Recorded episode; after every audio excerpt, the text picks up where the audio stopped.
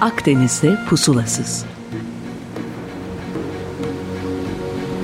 İnsan, tarih ve deniz.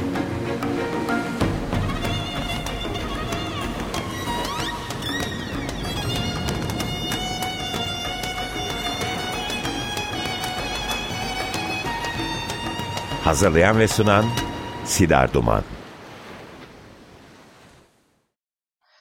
95.0 Açık Radyo'dan herkese merhaba. Ben Sidar Duman. Akdeniz'de Pusulasız programını bugün e, bu Bienal'in de İstanbul Bienali'nin vesilesiyle Barınhan'dan canlı olarak sizlere sunuyoruz. Tabii o yüzden heyecanlar normale göre biraz daha fazla. Hatalarımız şimdiden affola lütfen. O yüzden de kolay bir konu seçmek istedim. Madem canlı yayın e, böyle hafızamdan hiçbir şey olmadan da konuşabileceğim ve çok da ben önem verdiğim bir konu sizlerle burada kulaklarınıza ulaşsın istedim ve bir denizcinin gözünden İstanbul e, diye bir şey seçtik hep birlikte. E, konu şu, İstanbul'da yaşıyorsunuz ya da merak ediyorsunuz en azından. Fakat bu bu kadar eski ve orijinal bir şehirde siz sabah uyanıyorsunuz, işe gidiyorsunuz, tramvaya biniyorsunuz. Aktif olarak kullandığınız bir coğrafya. Örneğin mesela Efes'i alalım, Efes'e bilet alıp giriyorsunuz. Ee, İstanbul çok daha eski olmasına rağmen üzerinde yaşanma özelliği bence burayı kıymetli kılıyor. Roma'da diyeceksiniz hem antik dünyada vardı, hala da kullanılıyor ama bakın koordinatlar olarak Roma şu anda eski önemine sahip bir yer değil. Kuzeyimizde bir savaş var maalesef ve sadece bu gerekçeyle bile İstanbul hala ne kadar önemli bir yer olduğunu dünyaya ispatladı. Tüm tahıl gemilerinin boğazlardan geçerek dünyaya dağılması aynı bronz çağında olduğu gibi devam ediyor. Bence bunu unutmamamız lazım. Bu boğazdan yapılan gezilerle ilgili de ilk kimler geçmiştir diye düşündüğüm zaman aklıma Jason ve onun arkadaşları geldi. Bunlar bir gemiye binen 50 tane kafadar. Yine milattan önce 1300'lerdeyiz. Ee, Yunanistan'dan çıkıp altın postu aramak için boğazdan geçiyorlar. Fakat şöyle bir detay.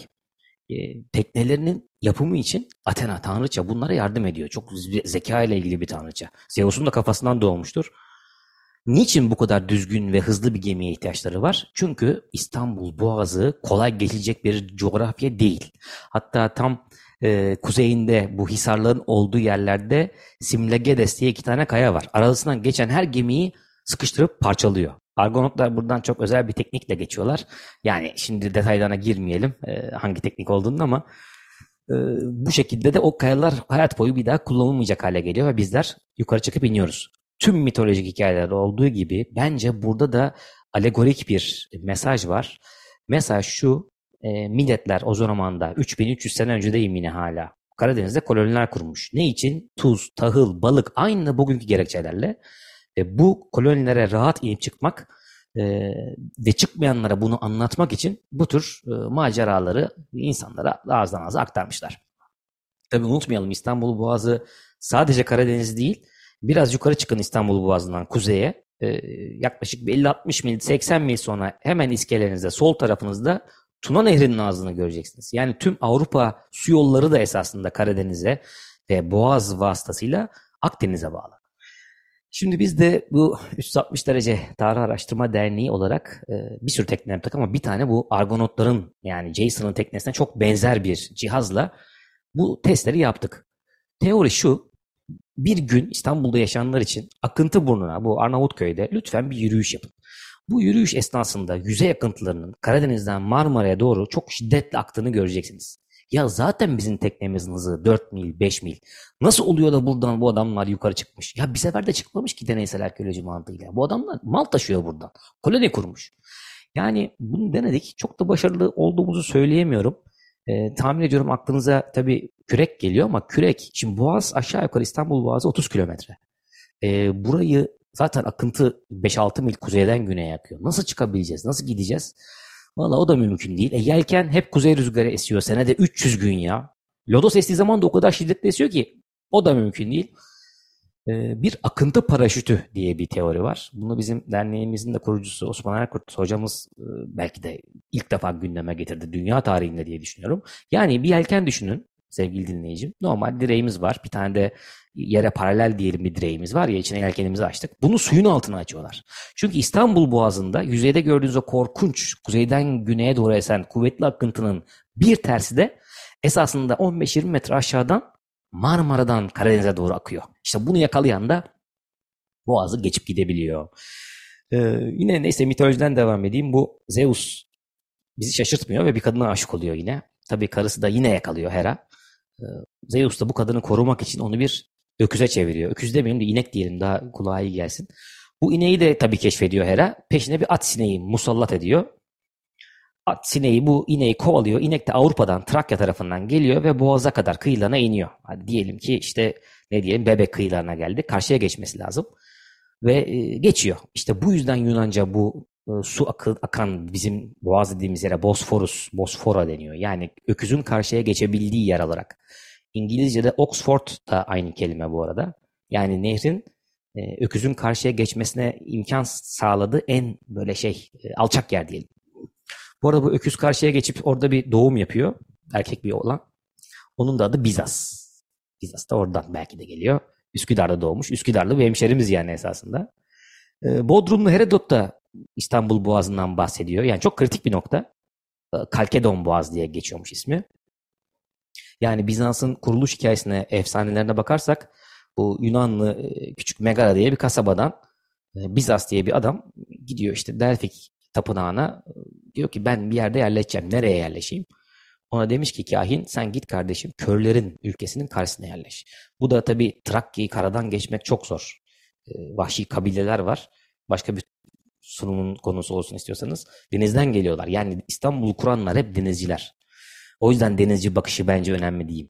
Bizas geldiği zaman zaten İstanbul'a bu Megara'dan en doğru yer olarak da şeyi bulmuş. Sarayburnu'nu. Mozart'ın da Seraglio deyip de beste yaptığı nokta. Bugünkü Topkapı Sarayı'nın olduğu nokta. Çünkü hemen yanında Haliç Limanı var. Yukarı bakarsanız Boğaz'ı kontrol ediyorsunuz. Yani çok önemli bir yer. Ve buraya yerleşiyor. Biz hep böyle uyduruyorduk demek bu hikayeyi. Ben doğrusunu daha yeni öğrendim. Siz de paylaşayım. İşte Bizas demiş ki bu körler de karşıda Kadıköy'de yaşayanlar bu kadar doğru önemli bir noktanın avantajını görmeyip gidip Kaş, e, Kadıköy'e yerleşmişler diye. Kadıköylü arkadaşlarımız alınmasın bence mükemmel bir yer. Fakat hikaye öyle değil. Çünkü zaten Kalkedonlar da Megara'dan gitmiş. 15 yıl, önce gelmişler. Milattan önce 600'lerdeyiz. Bunu söyleyen Persli bir general. Persli general geliyor diyor ki ya ben bir yerde okumuştum. Böyle bir mitolojik hikaye var. Bence diyor bu yerleşim yerinin e, seçilme şey hikayesi buradan diyor. Kadıköylüler kör. Bizans'ta Sarayburnu yerleştiği için çok ileri görüşlü. E doğru mu? Doğru bakarsanız yani hakikaten Sarayburnu daha gelişmiş bir yer. Yani Kadıköy'e kıyaslıyorum.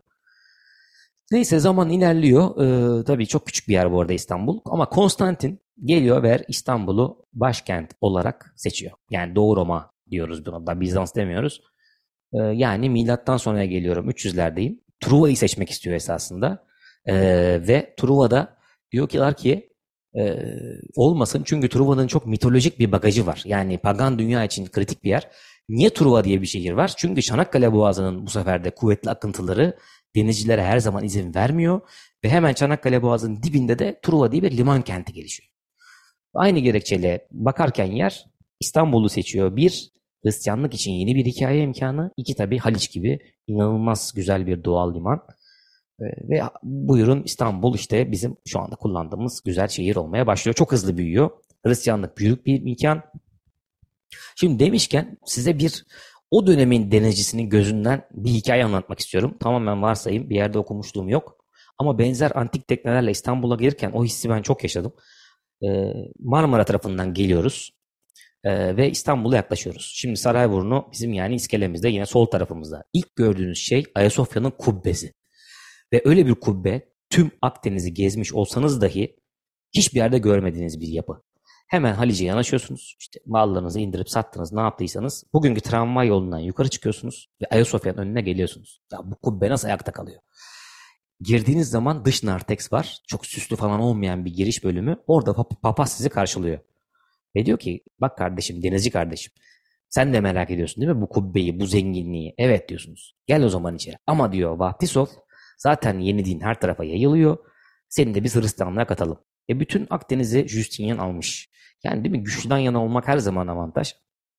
Ve bu denizci kardeşim içeri giriyor. Merak ediyor şu kubbeyi. Denizci deyince böyle aklımıza paspal giyimli, dişi mişi dökük adamlar geliyor diye belki hayal ediyorum ama öyle olmasın. Çünkü bu denizci dediğimiz adam güneşin açısından yön bulabilen, bütün hava koşullarını bilen, temel fizik kanunlarına çok hakim olan bir canlı. İçeri giriyor. Kubbenin tabii ihtişamı yani Avrupa'da benzer bir kubbenin yapılması için daha bin sene gerekecek. Öyle düşünelim. 500'lerdeyiz. Fakat içeride gezerken sağ taraftan gidin. Bugün de bulabilirsiniz. Poseidon'un e, tridentini yani o asasını görüyor. Üç tane başlı bir asa. Ama Poseidon'un e, imajı yok da orada iki tane Yunus var. Yani paganizm bir anda bitmiyor. Çünkü kimse dinini bir günde değiştirmiyor. Ve bu denizcilerin gözünden Ayasofya bence çok önemli. Geri gelen denizci tekrar işte gemisine binmiş. Cebinde parası keyfi yerinde. Bir handa belki yemiş içmiş. Diyor ki arkadaşlar Hristiyanlık hakikaten aldı yürüdü. Biz de geçelim. Geçelim ama önce bir müzik dinleyelim. E, müzik de şey olsun. E, bu There Might Be Giants bize Konstantinopolis desin. İstanbul, Konstantinopolis gelsin. Lütfen bir yere gitmeyin. Devam edeceğiz. Bekliyorum. Evet, 95.0 Açık Radyo'dan tekrar merhaba. 17. İstanbul Biyaneli vesilesiyle şu anda Barınhan'dan Akdeniz'de pusulasızda canlı olarak sizlere sunmaya devam ediyoruz. Evet bu denizci kardeşimiz Hristiyan oldu. Tekrar Halice indi ve keyifli bir akşam yaşadı. Fakat bu gittikçe meşhurlaşan İstanbul'un bütün denizcilerin, bütün donanmalarının gözünde önemi de arttı. İlk tabii bizim burada donam, donanmasıyla gelip kuşatanlar arasında Vikingler var.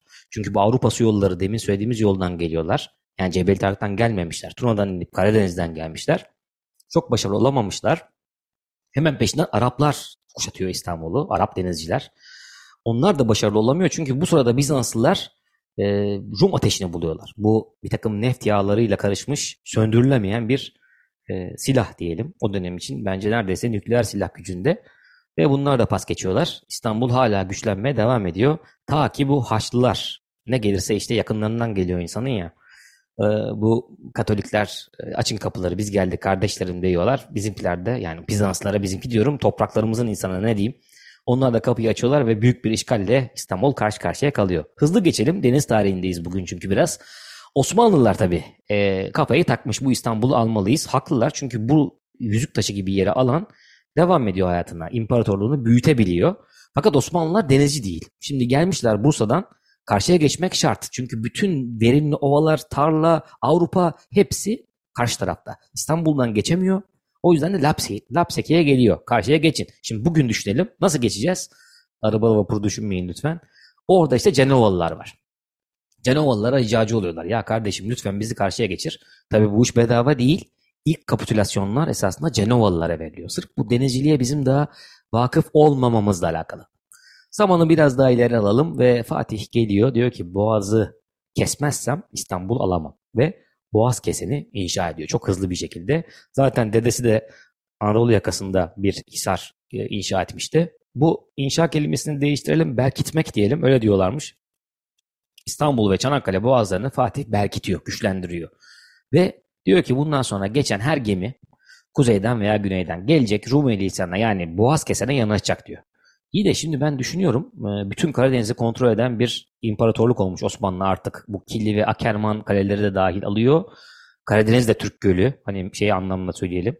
E, fakat bütün gemiler gelsin dursun. Şimdi ben yine denizci gözüyle İstanbul'a yaklaşıyorum. Tersten geliyorum bu sefer. E, Karadeniz'den aşağı iniyorum. Yelkenim açık akıntı arkamda 10 mil süratle gidiyorum ve Fatih Sultan Mehmet emir vermiş. Demiş ki kardeşim e, boğaz kesene yanaş yoksa batırırım. Bu arada batırıyor da yani bir sürü Venedik gemisini de almış aşağıya. Kaza tutma hikayeleri yine konumuz olmasın. Ama duracaksınız yani. Şimdi nasıl duracağız? Bu yelkeni indiriyorum. Motorum yok.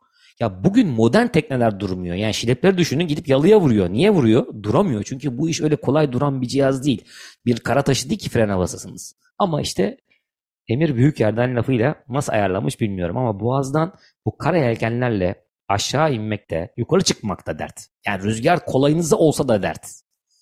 Fakat yapılmış. Bir seferde yapılmamış. Binlerce kere yapılmış.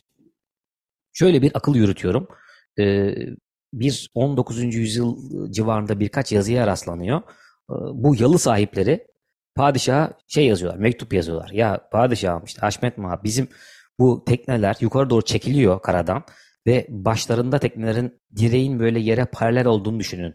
E, civadra diye bir uzun bastonları oluyor. Onlar yalın camlarını kırmış. Yani biz anlıyoruz ki bunlar çekerek de yukarı çıkarmaya çalışmışlar teknelerini. Kuzey rüzgarına ve akıntısına karşı. Bu da gayet bence kuvvetle mümkün. Hatta e, bu kısmı artık tamamen uçmak olsun ama çektiri diye bir tekne tipi var. Acaba o da çekilerek yukarı çıktığı için mi böyle deniyor? İşte böyle e, uydurmak serbest. E, şimdi tabii bu Osmanlı'da denizciliğe en büyük destek esasında Şehzade Korkut'tan geliyor. Beyazıt'ın oğlu hatta bence tahtın da varisi fakat tarihimizin tabii bence ilk darbesi e, sevenler bunu böyle kabul etmeyecekler ama maalesef gerçek bu. Bu Yavuz Sultan Selim bunları iz, izin vermiyor. Babasına bir isyan orduyu da yanına alarak e, topraklarımızdaki darbe geleneğini de tetikleyerek e, kendi dünyasını kuruyor. Yoksa bu Şehzade Korkut mesela Barbaros kardeşlere inanılmaz yardımcı olmuş. Ee, Barbaros tutuktan şeye düşüyor, Bodrum'da hapse düşüyor, onu kurtarıyor ediyor. Ee, ve Osmanlı'nın bence bu e, talasokratik deniyor. Yani denizlere hakim olan imparatorluk olamamasındaki en büyük gerekçe o dönemde Korkut'un ne yazık ki belki de başa gelememesi olarak düşünebiliriz. Ama hayat devam ediyor. Yapacak da bir şey yok. Yine ilginç e, İstanbul ve Deniz'le kesişen bir hikaye. E, okumadıysanız mutlaka tavsiye ediyorum. Jules Verne'in e, bu Olağanüstü Yolculuklar diye bir serisi var. Bildiğimiz bütün genel romanları bu seriye ait Jules Verne'in. Bayağı da meşhur olduktan sonra yazıyor. E, kitabın adı, romanın adı İnatçı Kereman. Bu İnatçı Kereman e, bir gün ya 1880'lerdeyiz yanlış düşünmüyorsam Tophane meydanında bir Ramazan günü yürürken Hollandalı bir tüccar dostuyla tanışıyor. Yıllardır ticaret yapmışlar. Bu Hollandalı tüccar adı aklımda değil. Yanında da bir tane uşağı gezerlerken bu inatçı Keraban Ağa ile karşılaşıyorlar. Vay hoş geldin beş gittim. Ee, diyor ki Keraban madem diyor Ramazan'da denk geldiniz gelin bakalım Üsküdar'a geçelim.